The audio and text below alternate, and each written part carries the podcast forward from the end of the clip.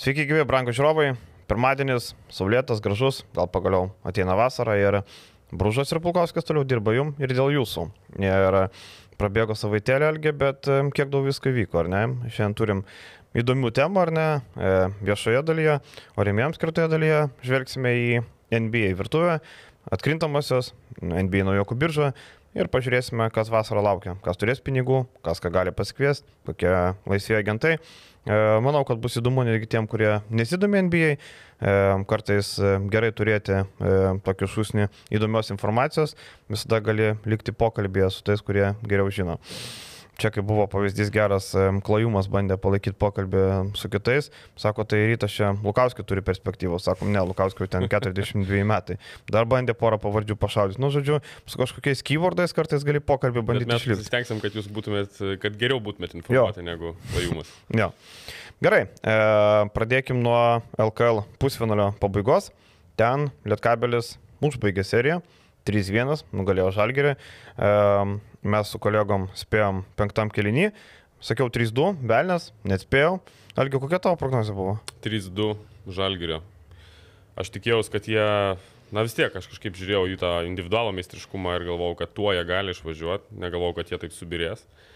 Na bet kita vertus, viskas labai gražiai susidėliojo. Viso sezono nesąmonės, viso sezono krūva blogų sprendimų ir nefunkcionuojanti komanda, neturinti jokio charakterio, neturinti kūrybos perimetre, neturinti gerai besiginančių žaidėjų perimetre, sugriuvo prieš komandą, kuri žaidė nuostabų krepšinį. Lietkabelis yra pavyzdys, koks krepšinis turi būti žaidžiamas. Tai nėra, tai nėra asmenybės kažkokios, bet tai yra darinys. Jie puikiai dalinasi kamoliu, puikiai sprendžia problemas kartu, puikiai gynasi, labai gerai išdirbtos, išdirbtas tas stilius, kurį jie žaidžia, ta filosofija, kurioje jie žaidžia. Tai viskas kažkiek desninga. Ir matėm ketvirtame mače, Žalgiris gerai pradėjo, užsmaugė, kažkiek pasiemė ant tos tokios, e, to tokio nusiteikimo, ant tos tokios piktos emocijos, bet vėliau, kai Lietkambelis atsigavo, kai įmetė keletą metimų ir perėmė kažkiek iniciatyvą, Žalgiris subirėjo. Tiesiog, nes nėra charakterių. Ta komanda yra be charakterių. Jeigu tu pasižiūrėsi, kurie žaidėjai gali imtis ant savęs sunkių momentų, kas gali sutelkti komandą, tokių žaidėjų nėra. Lukas Lekavičius yra geras individualiai žaidėjas Žalgirio lygiui bet jis nėra tas vokalus lyderis, kuris su, su visus suburs, sukvies ir, ir, ir kažkiek pakels bendrą dvasę. Be jo daugiau nėra lyderių. Ulanovas grįžo po traumos, puikiai sužaidė gerą atkarpą, bet jis, bet jis visada buvo labiau rolinis žaidėjas, niekada nebuvo tas irgi lyderis, kuris galėtų pats nulemti rungtynės.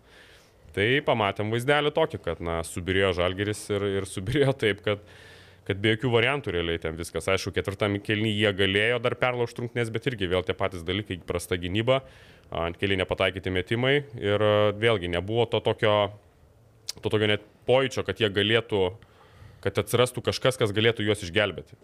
Tai rezultatas kažkiek, sakau, dėsningas ir aišku, čia ir, žinai, mes eisim, kalbėsim toliau kažkiek aspektų, bet uh, man atrodo, kad tai tik pradžia to, kas laukia artimiausiais metais. Tai tik pradžia Tai tik pabaigos pradžia tam tikrą prasme. E, Lietkabelis pradėjo susikaustęs, šiek tiek gal e, pasimetęs, 6,5 tūkstančių žiūrovų, daugelį tų krepšininkų, kurie buvo panevežyti, tai buvo nematyta. Apskritai pastarį kartą toks ažiotažas buvo prieš penkerius metus, kai Lietkabelis žaidė finalę su Žalgiriu arba pusfinalė su Rytu, tuometiniu Lietuvos ryto berots. E, tai buvo visai taip ir Lietkabelis grįžo būtent dėl savo gynybos, kaip ir sakė Nenandas. Man patiko ta ramybė, atrodo 0,8, jau laikas laikas gal kažkiek panikuoti, gal kažkiek tai mautą imti, bet Nenadas išlaukė, Žemaitis atidarė, tada Morelikas tritaškai pridėjo ir, kaip sakant, traukinys nuvažiavo. O Žalgiris atėjo vėl ieškodamas, vėl atėjo Žalgiris šiek tiek kitoks, ištraukė savo paskutinę kortą, jau kuri buvo, Edgar Ulanovą prikėlė ant kojo, pastatė, dar e, savaitės pradžioje Krapikas Žalgirio insideriai kalbėjo, buvo klausimas, ar įmanoma, kad Ulanovas žais, artimiausiu metu sako, ne, jis sportuoja individualiai, su kontaktu nebuvo, taip toliau, tai matome, Žalgiris jau Ulanovą ištraukė visiškai jau paskutinį e, bandymą ir matome, pradėjo rungtynės su dviem trečiais numeriais tiek Ulanovo, tiek Gifajam, bandydami spręsti problemas gynyboje turbūt ar ne. Ir pradžio buvo viskas neblogai, bet po to pradėjo birėti ir trečiam kelinį Lietkabelis vienu metu buvo sustojęs, jau matėme, buvo Žalgiris prieartėjęs, Paulius Jankūno, ta nesportinė pražanga labai padėjo Lietkabeliui e, vėl grįžti į vežės. Matėm, ten buvo e, 3 taškai likę, 4 taškai, e, Jankūno nesportinė, 2 baudos metimai, tada Lietkabelis dar pridėjo 3 taškai, vėl e, 10 taškelių 9 ir e, vėl nuvažiavo. E, Žalgiris realiai šansų matitiesti mažai turėjo, nors laikėsi per tokį gana kovinį atstumą, matėm, e, atstumas kovinis, bet, e, bet nieko iš to nedavė.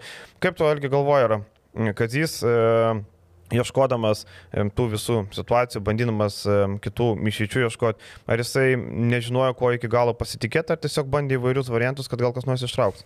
Aš manau, kad Kazis nepažįsta komandos, jis nežino, su kuo jisai dirba. Ta rodo visos, visos tos paieškos, visos serijos metu. Strelnikas tampa šiukšlinių minučių žaidėjų, bet staiga išleidžiamas į starto penketą ir dabar trečiam, ketvirtam mačiai jis yra vienas iš svarbiausių žaidėjų. Bandymai su Kevinau penktoj pozicijoje labai daug kainavo Žalgiriui. Aš manau, kad Lietkabelio pabėgimas buvo labai, uh, labai glaudžiai susijęs su Kazio pabandymu atakuoti Gagičių iš penktos pozicijos. Žalgiriui pavyko prioritėti šiek tiek, ten pavyko pataikyti vieną tritaškį, po to jis pamet, prametė kitą tritaškį. Tada, uh, man atrodo, Čanakas prašė minutės pertraukėlės. Ir aš, jos, aš tikėjausi, kad jos metu Kazys pasodins Kevinau, nes jis uždė trumpą neblogą atkarpą su jo toj penktoje pozicijoje ir išleis vidurio polėje. Bet ne, po minutės pertraukėlės metu Kevinau grįžta į aikštelę, Pirma ataka Lietkabelis atakuoja su Gagičiam Kevinau 2 plus 1. Antra ataka Lietkabelis atakuoja su Gagičiam Kevinau, ištraukia nuo Lipkevičiaus Ulanovo pagalbai. Lipkevičius gauna kamolį iš Gagičiaus tritaškis. Šeši taškai, šešių taškų atkarpa, kuri buvo labai svarbi tam antrajame kilnyje. Ir čia jinai buvo pralaimėta grinai Kazio sprendimu. Ne, per, per nelik vėlyvą reakciją atsisakant šitos pakankamai rizikingos idėjos žaisti penktoje pozicijoje su Kevinau. Vėliau, rizikos bandymai žaisti su Jankūnu penktoje pozicijoje. Idėja ta, kad jisai polime gali šiek tiek pralaužti geriau žaidžiamą short roll situacijas. Gynyboje jie keičiasi su Jankūnu, keičiasi su Jankūnu, kuris perimetrinė nepastovi prieš Lietkabelio gynėjus. Gedraitis eina iki galo, Kalaidzakis, kiti Lietkabelio gynėjai jaučiasi kaip, žu, kaip žuvis vandenyje, žinai, išsikeičia Jankūnas ir jie žaidžia vienas prieš vieną. Kodėl reikėjo gintis e, Svičiolą šitoje situacijoje, aš niekaip nesupratau. Tas pats Vičiolas buvo naikinamas tiesiog Lietkabelio treč, trečiajame susitikime.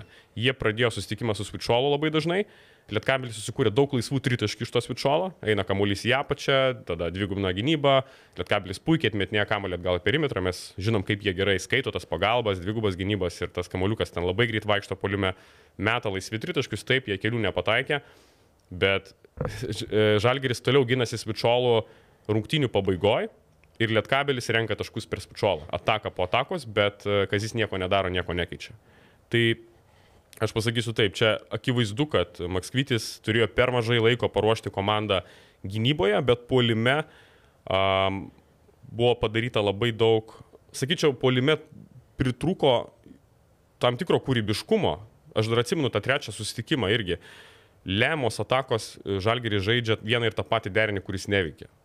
Bet jie toliau jį žaidžia po minutės pertraukėlių neturi jokių kažkokių įdomesnių idėjų, kaip sukurti laisvus metimus žalgerio žaidėjams. Žaidžiami derinukai labai paprasti, krepšinio mokyklos lygio derinukai. Ten koks dvigubo užtvaro, strelininkas išeina iš dvigubos užtvaros, prisiema kamuolį, laukia užtvaros iš, iš aukšto ūgio ir žaidžia pick and rollą. Tiesiog labai paprasti deriniai. Ir kitas dalykas, užsiciklino žaisti į short rollą. Žaidimas į short rollą dideliam žmogui kainavo žalgiriui labai daug, nes uh, nei Nybau, nei Lauvernas nėra geri sprendimų prieimėjai, su kamoliu, o tu savo takas realiai atiduodi jų sprendimų prieimimui. Kai buvo galima žaisti prieš tą stepautą Lietkabelio į kampą, Žalgeris mušė per tą patį, kas neveikia. Daužė galvą į sieną. Rollas, short rollas, kas pasibaigdavo arba kažkokiu blogu metimu, arba didelio žmogaus klaida, arba vėlyvų išsiskaitimų tų situacijų ir niekaip nepralaužė to polimo. Tai man sakau, man trūko įvairovės žalgerio polime, Kazio Maksvyčio sprendimuose ir pasirinkimuose, kokius derinius žaisti. Ir sakau, tokie nusistatymai, kaip tu būtinai pramuši short roll arba tarkim tu vesi trečiajame susitikime kokį Lauverną prieš Gagičių žaisti vienas prieš vieną nugarai krepšį, Websteris prieš Gedraitį žaidžia vienas prieš vieną, Kevinau išvestas prieš Oreliką žaisti vienas prieš vieną, nors prieš tai visą seriją tas nesigavo, bet tu vis tiek lemiamų metų eini tokį derinį nu kaip, nu, tai, tai irgi rodo, kad, sakau, ne tik žaidėjai, bet ir treneris tikrai atliko prastą darbą ir, ir manęs visiškai nu, nenuteikė optimistiškai. Maksvyčio pasirodymas šitoje serijoje. Dar teisybės dėlė reikia pridėti, kad tie ieškojimai centro pozicijų turbūt buvo susijęs su to, kad Džošas Nybau nesijautė gerai. Kaip sakė, kad jis buvo gavęs mini knockdowną, e, pirmoji dalis sužaidė 10 minučių, antroji dalis nebepakilo nuo suolo, turbūt nesijaučia įdėliai. E, atrodė tokia nekalta situacija, ten kaune kažkiek atsigulė ant žemės, pagulėjo atsikėlė, žaidė toliau, bet pasirodo, kad gal šiek tiek e, jaučia padarinius. Ulanovo kortą, kiek algė jį buvo naudinga Nu, tai matėm, kad realiai nieko nepakeitė. Taip, jisai gerai pradėjo rungtynės vienas iki, net užpaustino Lipkevičių, ne, Aurelika tai yra. Ir įmetė tokį puskablį. Tokį savo puskablį kairę. Bet realiai, nu taip, jisai to solidumo kažkiek pridėjo ir gynyboje kažkiek bent jau rungtynių pradžioje, bet, na, Ulanovas vienas negali visko nubraukti ir pakeisti. Jis nėra tas žaidėjas, kuris tau gali polime surinkti 20 taškų ir tave atvesti į pergalę tokiuose rungtynėse. Jis nėra lyderis, jis yra rolinis žaidėjas bet jis yra, nepamirškim, jis yra vienas brangiausiai apmokamų krepšininkų žalgyryje. Na, jeigu ne brangiausias. Nu, Lauvernas daugiau uždirba, tai jis yra antras pagal brangumą. Jo, tai e, žiūrint į Lietkabelį, ar ne, e, Lietkabelis sugebėjo, na, nežinau, iš tos tokios e, visai patogios pozicijos laimėti seriją, kai tu esi underdogas, e, daug, e, turbūt e, čia galima įrodyti, kad nebūtinai žurnalistai arba ten apžvalgininkai beltų kelią hypą, visi sakė, Lietkabelis gali, Lietkabelis gali, bus įdomu, na ir ne veltui.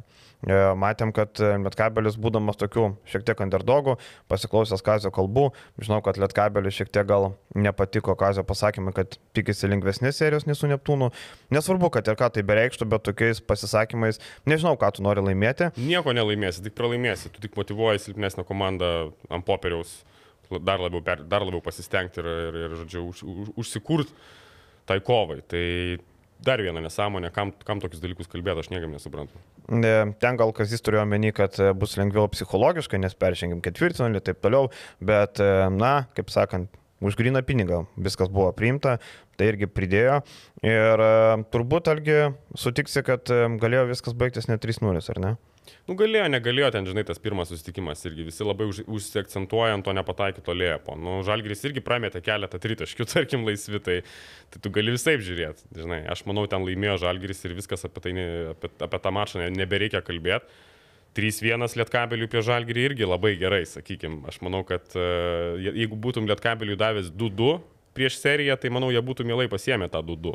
tą lemiamą mačą pabandyti žaisti ir laimėti šiuo atveju jie dar, dar netgi viršijo, manau, daugelį lūkesčius. E, kaip galvoji, su Jūrijos Dovcu būtų geriau buvę? Labai sunku pasakyti, žinai, su, su Jūrijos Dovcu čia vėl. Čia viskas vėl atsiverčia į, į tą pačią problemą su sprendimais, tarkim. Ką Žalgeris darė šį sezoną, ką, kokie buvo sprendimai priimami, jeigu taip atsuksim laiką, ne. Pasirašomas mūdijai būti lyderiu, pagrindinių žaidėjų po penkių rungtynių jis yra paleidžiamas, neturint kuo jo, kuo jo normaliai pakeisti. Atvažiuoja Websteris, atvažiuoja Zoranas Dragičius už tos pačius pinigus, išlyginom čia visą kitą, puikiai padirbėjom, žinai. Praeina dar du mėnesiai, Dragičius išvažiuoja, Websteris, matom, yra ne Eurolygos lygio žaidėjas, tai yra atsarginis geriausiu atveju LKL stiprios komandos, sakykime. Na gerai, gal matom dabar kažkiek jis davė tos naudos atkrintamosiose, bet vėlgi ketvir, pusfinalio serijoje, nu vėlgi mes jo beveik nematėme su Lietkabeliu. Toliau, žinai, pasirašomas minėtas su idėja, nes reikalingas kūnas. Tai kūnų yra antroji komandai, yra žalgerio sistemoje tų jaunų žaidėjų kūnų, galiu kaip kūną naudoti treniruotėse. Kam tu moki žaidėjų ten 130, 120 ar kiek jiem ten moka, ta prasme, per mėnesį 12-13, kad jis tau kūnų pabūtų treniruotėse. Tai yra nelogiška. Tu pasim kažkokį geriau jauną žaidėją, dabar minėtas iš vis nedalyvavo šitame reikale svarbiausiu metu.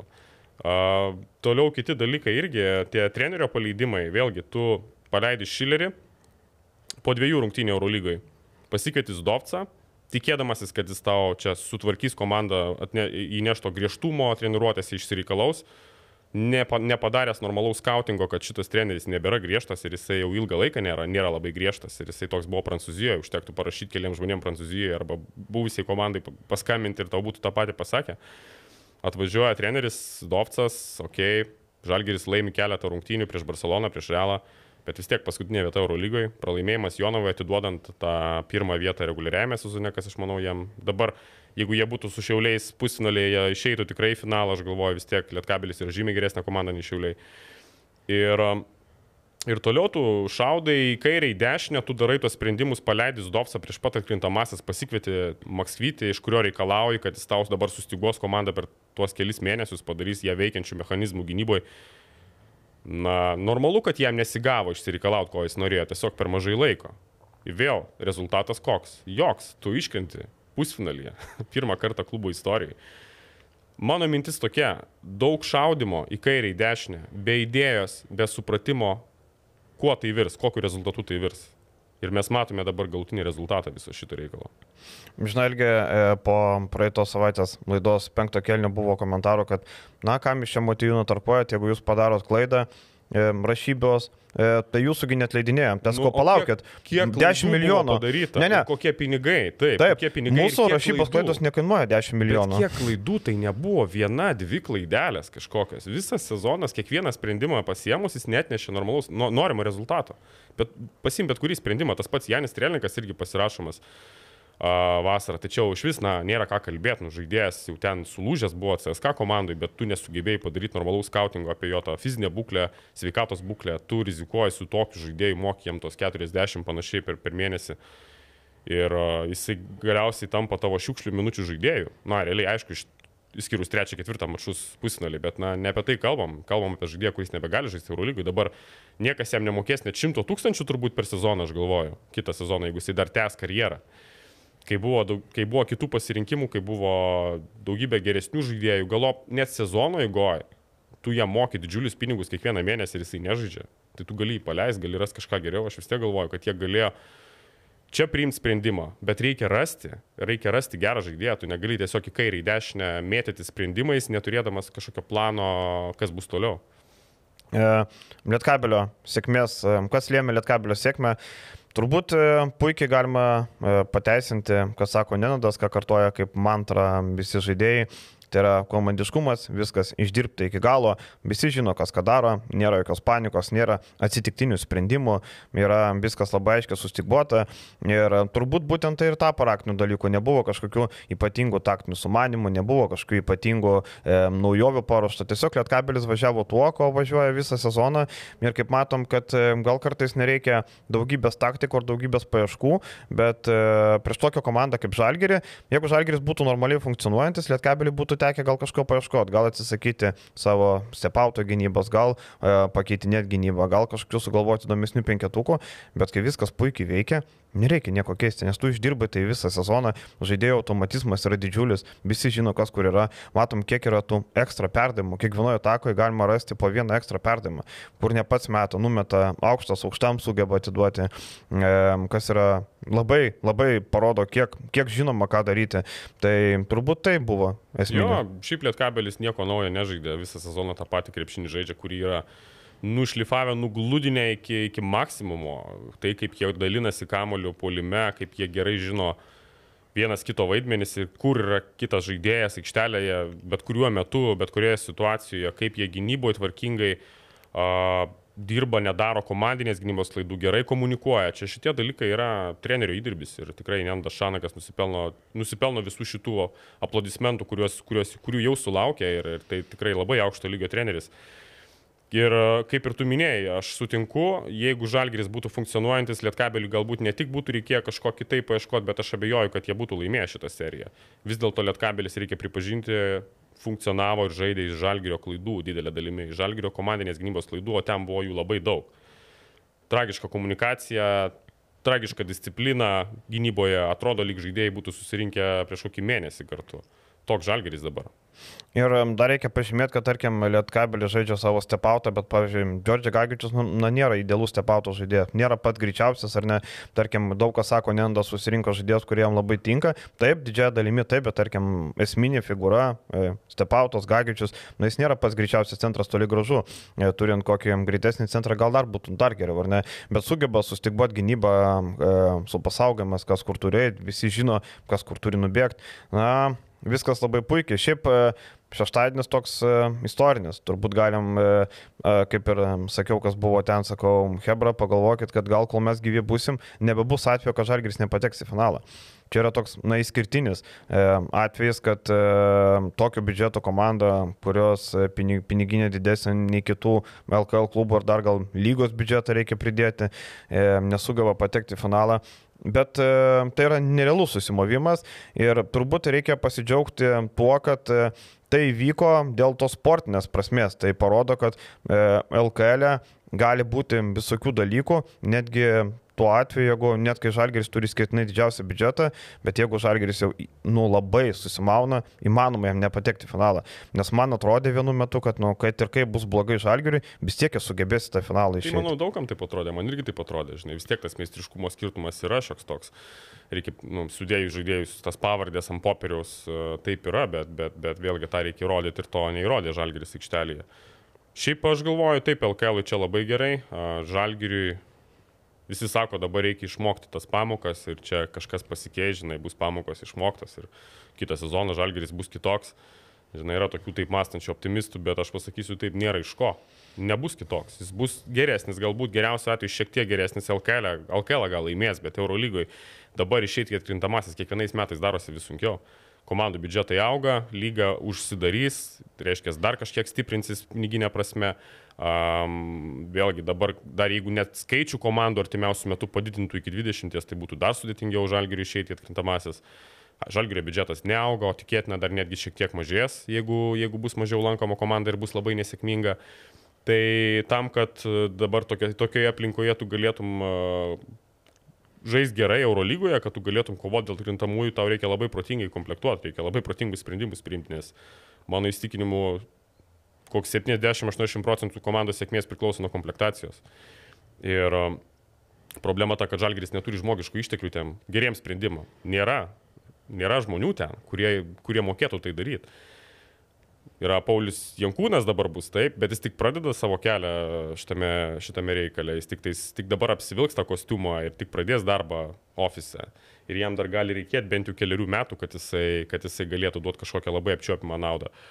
Kirvelaitis irgi skautas, jis tik tais pradeda save pradeda savo darbą šitame, šitame dalyke. Šitame lygyje gal. Šitame lygyje, taip. Mhm. O, tai O toliau kas? Kazis Masvytis niekada negarsėjo žaidėjų vertinimu ir išmanimu jų savybių ir jų potencialo. Mes žinom iš praeities, kad jis padaręs nemažai tokių labai saugių sprendimų, bet tie saugus sprendimai, turint labai mažai pinigų ir labai stipriai atsiliekant biudžetų nuo kitų, jie tave išlaikys tik tame žemame lygyje, tu turi būti drasus, tu turi rizikuoti. Na, jis nėra tas žmogus, kuris atveš kažkokius labai įdomius žaidėjus, kurie gali tapti žymiai geresniais negu dabar yra Paulius Motyvinas mes irgi žinom, na, matom jo sprendimus ir matom jo krepšinį išmanimą kartais. Tai aš manau, manau, kad e, tiesiog nėra žmogiškų išteklių ir jeigu žalgerio politika nesikeis, komplektacijos atžvilgių, jeigu bus toliau kalbama, pezama apie žalius kraujus ir apie šešių būtinai lietuvių kiekį komandoje, nesvarbu kokio, kokio jie lygio ir ką jie gali duoti. Na, daugiau gal 8 lietuvių, 14, nu, na, gal, gal, maksimum 6 legionieriai, taip sakyti. Taip, taip, taip, bet esmė kokia, kad na, nesvarbu, ką gali žaidėjas, svarbiausia jo pilietybė. Tai jeigu tai bus toliau mąstoma, tai, tai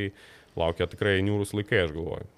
Ir e, baigiant apie žalgerį, turbūt reikia, e, kas jis sako, komanda serga, reikia gydyti, reikia vaistų, reikia šviečio kraujo, daugiau atletiškumo.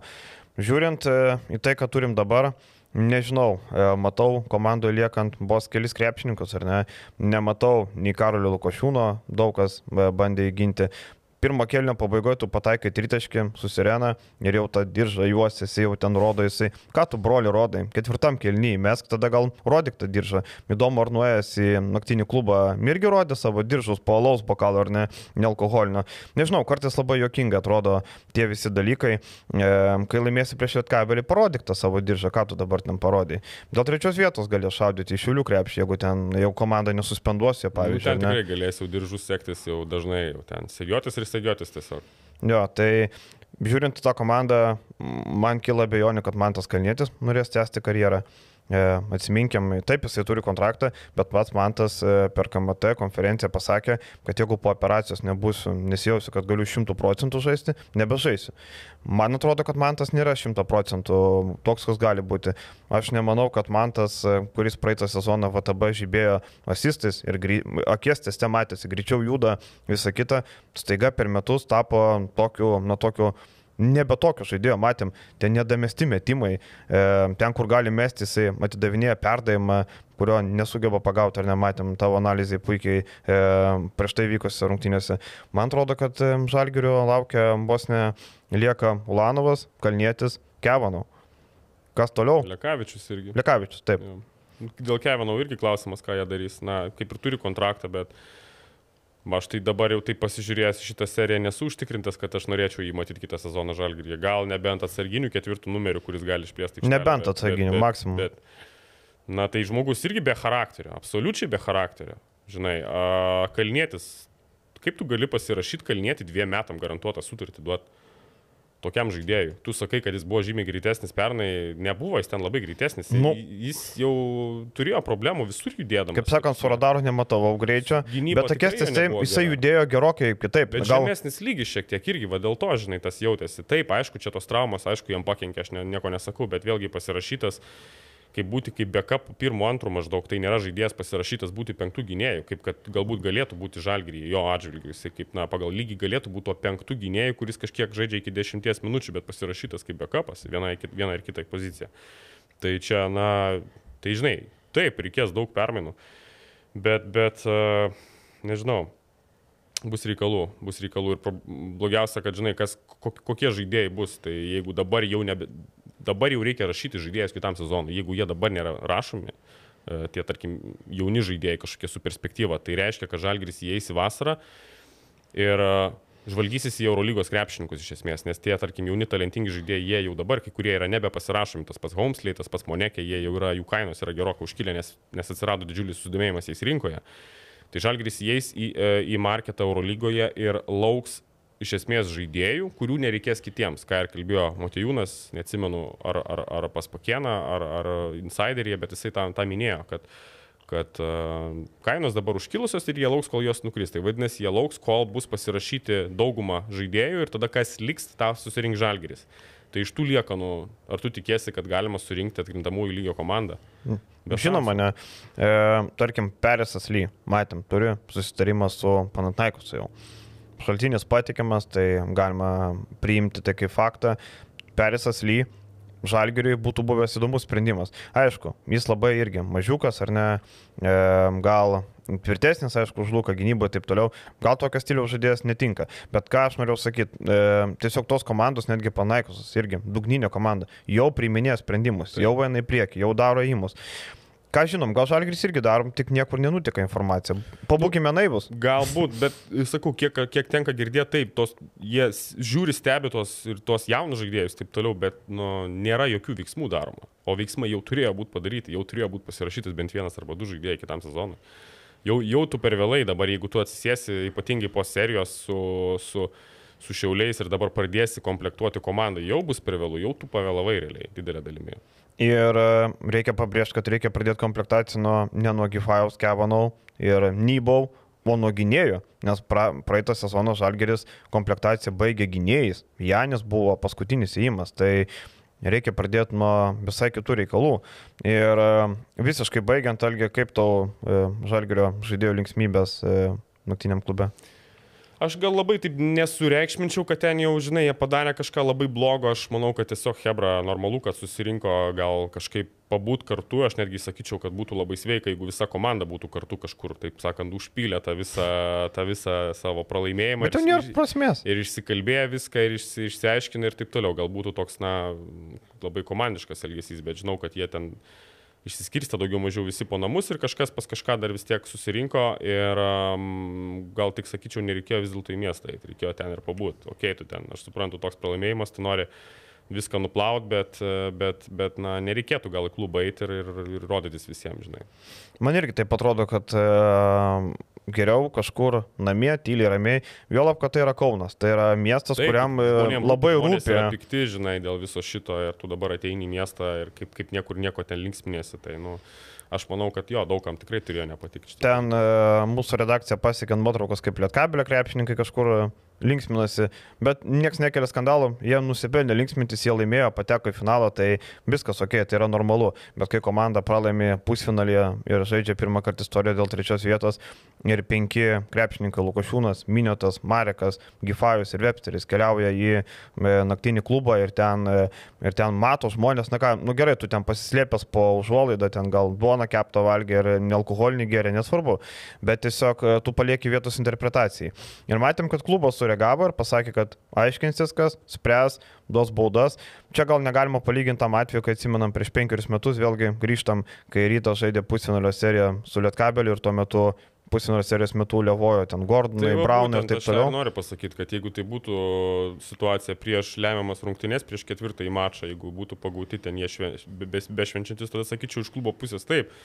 Tu gali nubausti piniginę baudą ar dar kažką, bet e, man atrodo dabar klubui bausti už tai, kad žaidėjai po tokios serijos atsipalaidavo, nu ir išėjo į miestą, nors gal nu, reikėjo neiti, reikėjo gal namuose pabūt. Man tai tokia biški perteklinė jau, perteklinis veiksmas, tokia perteklinė kontrolė kažkiek. Man tas nepatinka. Na, pažiūrėsim, kokie bus klubo veiksmai, bet, e, na ką, ten dauguma tų žaidėjų po sezono nebeliks. Nei vieno turbūt iš jų nebeliks, nei Gifajos, nei Minioto, nei Blaževičius, manau, neliks. Nu, nebent. Jo. E, gerai, pažiūrėkime ilgi į finalus. Dėl trečios vietos labai trumpai Lietkabelis, Lietkabelis, Šiauliai, Žalgeris. E, ką tu galvoji, gali Šiauliai pateikti sensacijų ar nelabai? Ne, manau, kad, manau, kad, žinai, manau, kad jie išspręs to šitą šiaulių klausimą, vis tiek aš galvoju. Vis dėlto, taip lygiai žiūrint, nu, Lietkabelis geresnė komanda negu šiauliai. Gerokai geresnė vis tiek ir, ir manau, kad Žalgeris... Nors man atrodo, Sireika nesutiktų. Nu, sutiktų, nesutiktų, čia jo reikalas, bet, bet aš galvoju, kad, kad e, vis tiek kitas, čia kitas žvėris yra Lietkabelis. Ir, ir um, manau, kad jie laimės tą seriją. Nebus paprasta, vėl turės tų pačių problemų, bet manau, kad šiaip netaip išplauks. 4-2, 4-1, 4-0 Gal 4-2, aš galvoju, jie problemų gali turėti. išvykose. Jo, ypatingai išvykos, jie tikrai problemų, manau, turės. Jiems bus sunku nusiteikti gal apie kuriems žaidėjams tą mačą, bet vis tiek tikėkime iš Žalgirio rūbinės lyderių, e, žalio kraujo asmenų e, gero žaidimo. Tikėkime, kad tie žmonės, e, kurie, kuriem tikrai rūpi Žalgiris, jie, jie, jie tarkim, Jankūnas Kalnietis, jie sužaidžia geriau negu prieš tai. Ir labai dar keli aspektai, tos komandos gali būti labai nuk- nukrojavusios. Šiaulė neturi Besbradėcas, Danusevičiaus ramų. Barnas žaidė su rytu irgi ten pusiau traumuotas. Žalgiri Websteris patyrė čiurnos ramą ir ten sėdėjo su ledais. Nežinau, kaip klube judėjo, gal ten Moonwalką jau darė, niekas nežino, bet čiurnos ramą. Ulanovas panašu, kad na, nėra reikalo jo ten forsuoti.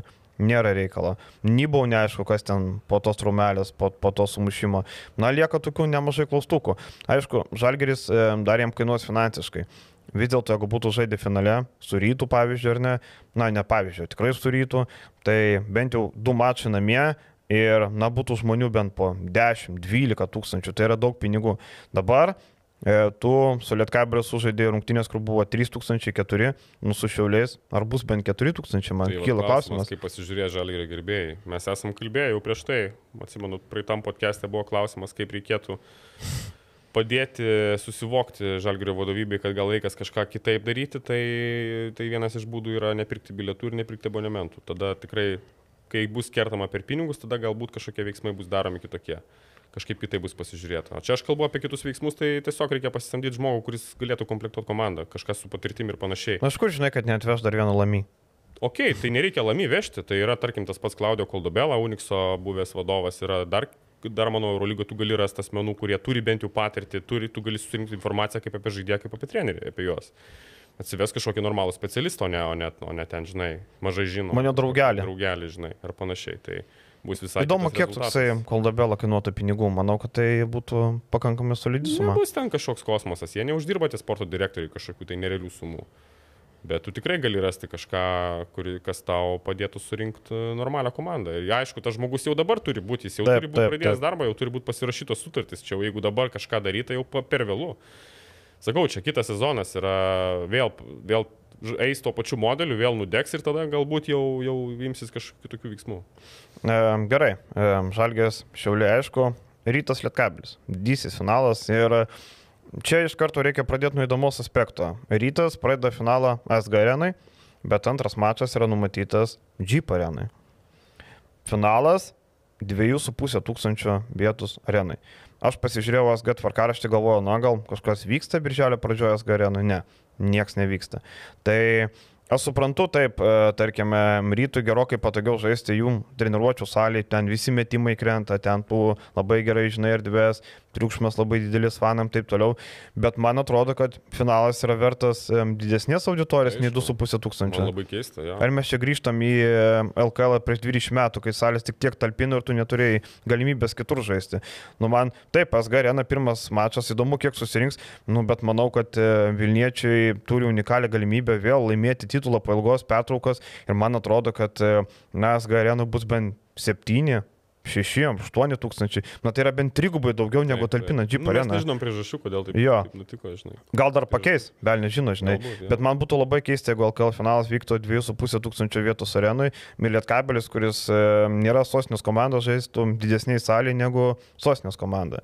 Tai gerai, apie tą finalą m, komandos ateina po, na, po tokio identiško pusfinalio, abi laimėjo serijas 3-1, rungtinių skaičiumi po lygiai. Apskritai atkrintamosios rytas sužaidė vienu maču daugiau už Lietkabelį, nes su Dzukija turėjo e, vargelio, vien- 3-1 baigėsi, Lietkabelis 3-0 laimėjo prieš Juventusą, tai vienu maču mažiau žaidė.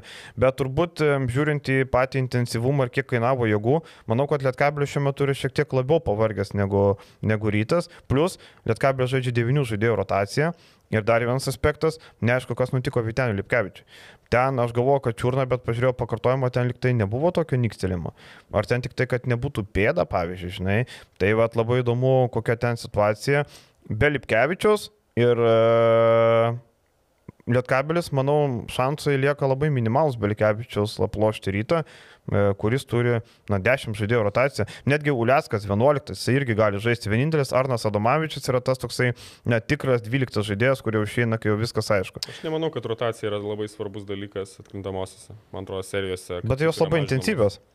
Nu, tai intensyvios, kas iš to, tai, bet vis tiek komandos žaidžia remiasi 8-9 žaidėjais. Uliackas žais serijoje su Lietuva. Nu, rytas 10 žmonių naudoja. Turės labai svarbią rolę. Be Uliasko, 10 žmonių, Nu, be tai- Uliasko. Bet vis tiek, aš manau, kad ne, ne, ne tame esmė, vis tiek. Aišku, Lipkevičius labai trūks ne dėl rotacijos ten gylio, o kaip žaidėjo, jis labai daug duoda tai akivaizdu. gynyboje ir, ir tas jo kovingumas, ir, ir atkovoti kamoliai polime, ir jo patirtis, ir jo, jo sprendimai su kamoliu, tai yra, tai yra labai didelė netektis, jeigu jisai negalės žaisti arba negalės normaliai žaisti. Jeigu jis galėjo žaisti, jeigu jį pastatys, tai aš nematau, kodėl Lietkabelis negalėtų laimėti prieš rytą. Aš manau, kad jie kaip komanda funkcionuoja geriau nei rytas. Man, manęs rytas neįtikino ten serijoje su Dzukija, su Šiauliais, kur strigo, su tais pačiais Šiauliais strigo. Jeigu būtų prašiau metęs tritaškius, tai būtų užsitempę ten viskas iki penkių rungtynių gal net. Bet pataikė tritaškius, okei, okay, išsijudino polime, Šiauliai kažkiek pavargo, tai taip ir nulaužė. Bet manęs tai rytas, ne, ne, tikrai, aš manau, kad kaip komanda Lietkabelis dabar yra geresnė. Lietkabelis yra geriau susižaidė, Lietkabelis turi tą pasitikėjimą savimi. Iš, žiūrint iš sudėčių, manau, kad labai panašaus lygio sudėtis abiejų komandų. Tai nema, nemanau, nemanau, kad rytas čia yra kažkoks favoritas šitoje serijoje. Mm, Ką ir parodė šį sezoną susitikimai 2-2. E, Lietkabelis, aišku, laimėjo e, KMT pusfinalį lemiamą, tuo metu rytas laimėjo labai svarbų mačą Cidorenui, kuris leido jam įtvirtinti pirmą vietą turnyrinį lentelį. Tai irgi buvo labai svarbus. Nepamiršk, kad darytas jaus, aš manau, vis tiek didesnį spaudimą. Vis tiek visi, jie patys tikisi, kad dabar jau tas šansas mes vėl laimėsime. Žalgirio nebėra, Jo, čia žalgerio nebėra, mes jau dabar tikrai turime imdžinai tą čempionų titulą. Lietkabelis jau kaip ir neturi ko prarasti, jau jie išėjo į finalą, jau jie savo sezono tikslą tikrai pasiekė.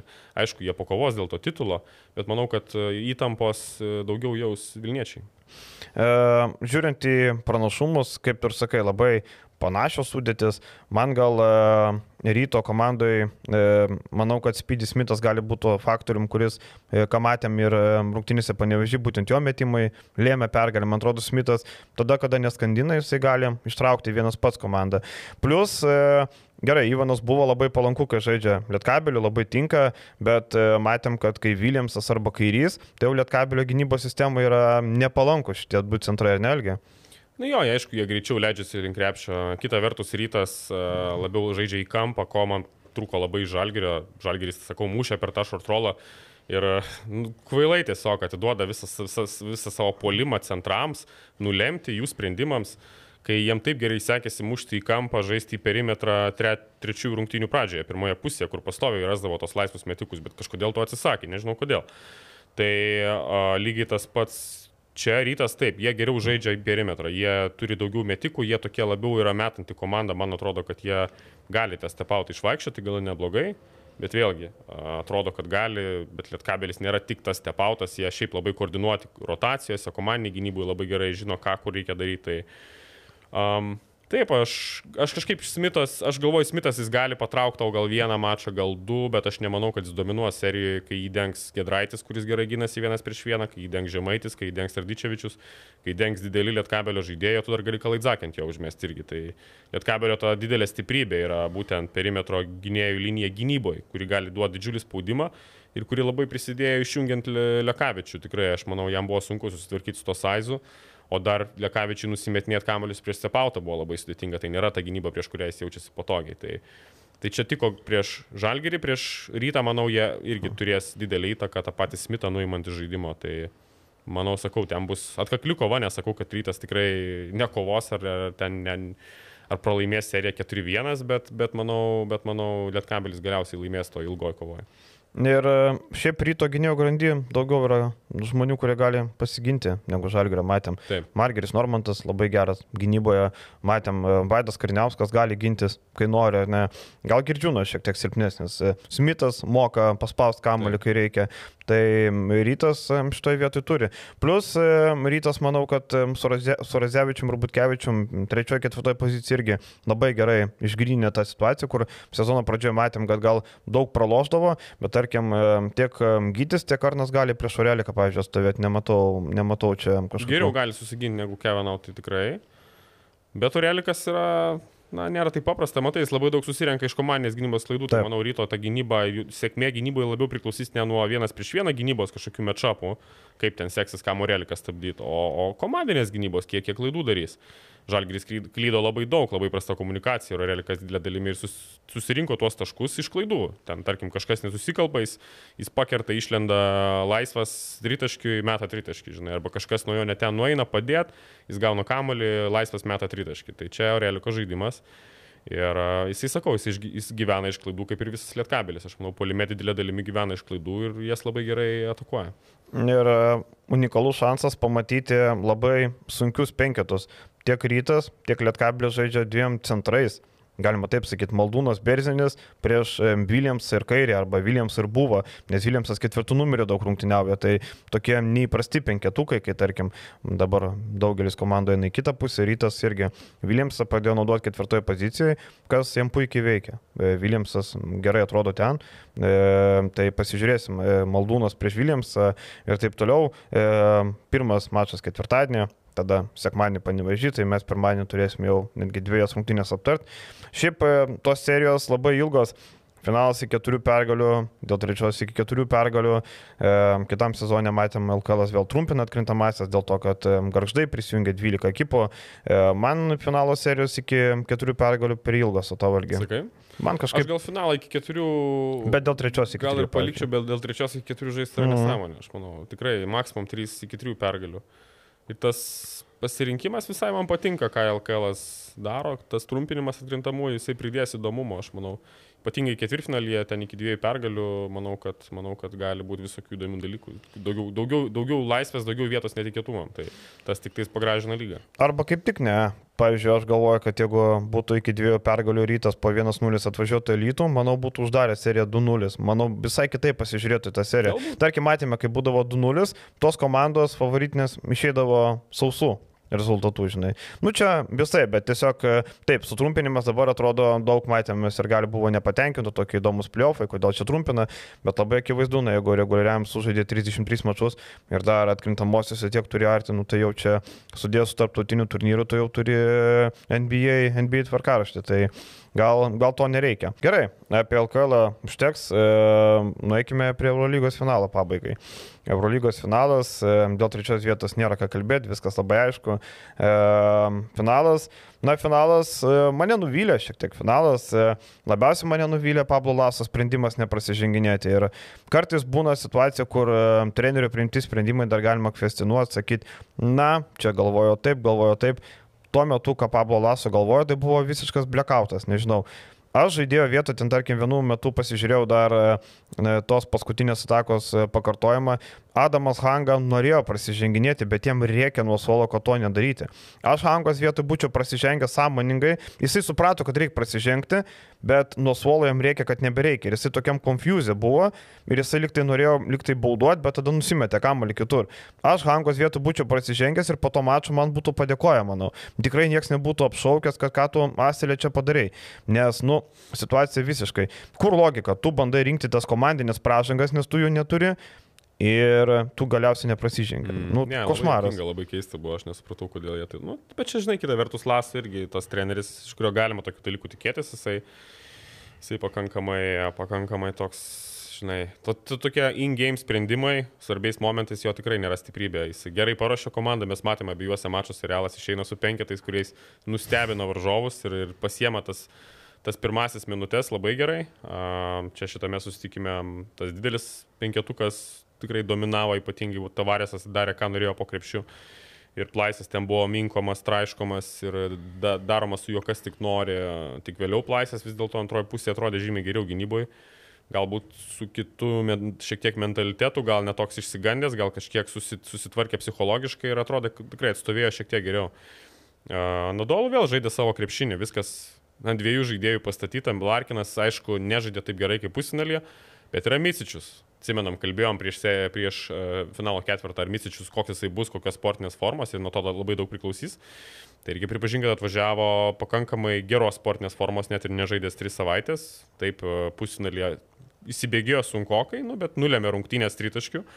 Ir geri sprendimai buvo, daugybė, daugybė kamuolių išdalinta komandos draugams, tas žaidimo valdymas buvo geras, o, o finale vėlgi realiai ta, toj svarbiausiai atkarpoj mm, Meisičius nuvedė komandą į, į titulą, nes, na, Realas keitėsi ginamaisiais, Misičius žaidė tą vien, vienas prieš vieną krepšinį iš perimetro, pritraukdavo prie savęs pagalbas, numesdavo kitiem, Plaisas labai tiko, labai jo ten tie keli metimai iš vidutinio nuotolio padėjo ir, Ir, Arba Liupą užkabindavo. Jo, Liupą. Aš tuo metu situacijas. nesupratau, kodėl Laso negražino Tavarės. Tai jisai gražino į Tavarėsą, vėliau pabandė gražinti, vėl grįžo į tą drop gynybą su Tavarėsu, bet tada, man atrodo, Misičius tritaškį pataikė, prieš, grinai prieš tą gynybą jo per Tavarėsą.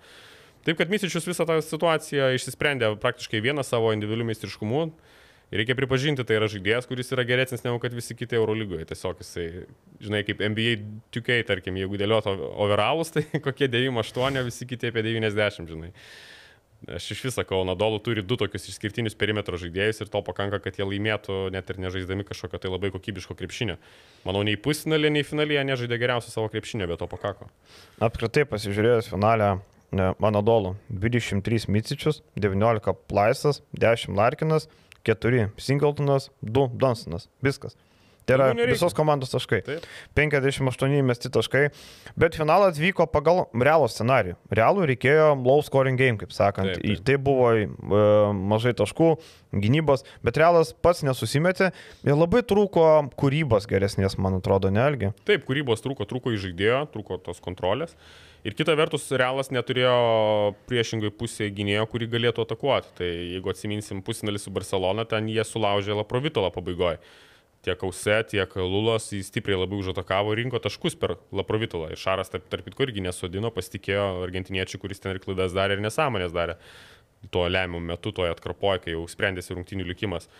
Tai šitose rungtynėse vis dėlto Realas neturėjo ką atakuoti iš perimetro ir, vis, ir iš esmės laikėsi per tą centrų grandį, per Tavaresą ir Poirie, kol jie rinko kamolius polime, kol jie dominavo po krepšiais, tol Realas kontroliavo kažkiek tą polimą, kai Anadolų pavyko tą nuimti nuo jų, jie irgi gynėsi dropų, Plaisas šiek tiek jau geriau atsitverinėjo Tavaresą, jau nebebuvo tų antrų šansų tiek viskas, realas daugiau opcijų puolime neturi. Ir tikrai trūko perimetro, manau, kad šitas finalo ketvirtas tą ir parodė. Ir, ir vis dėlto su Lulu ir Kausetu negali.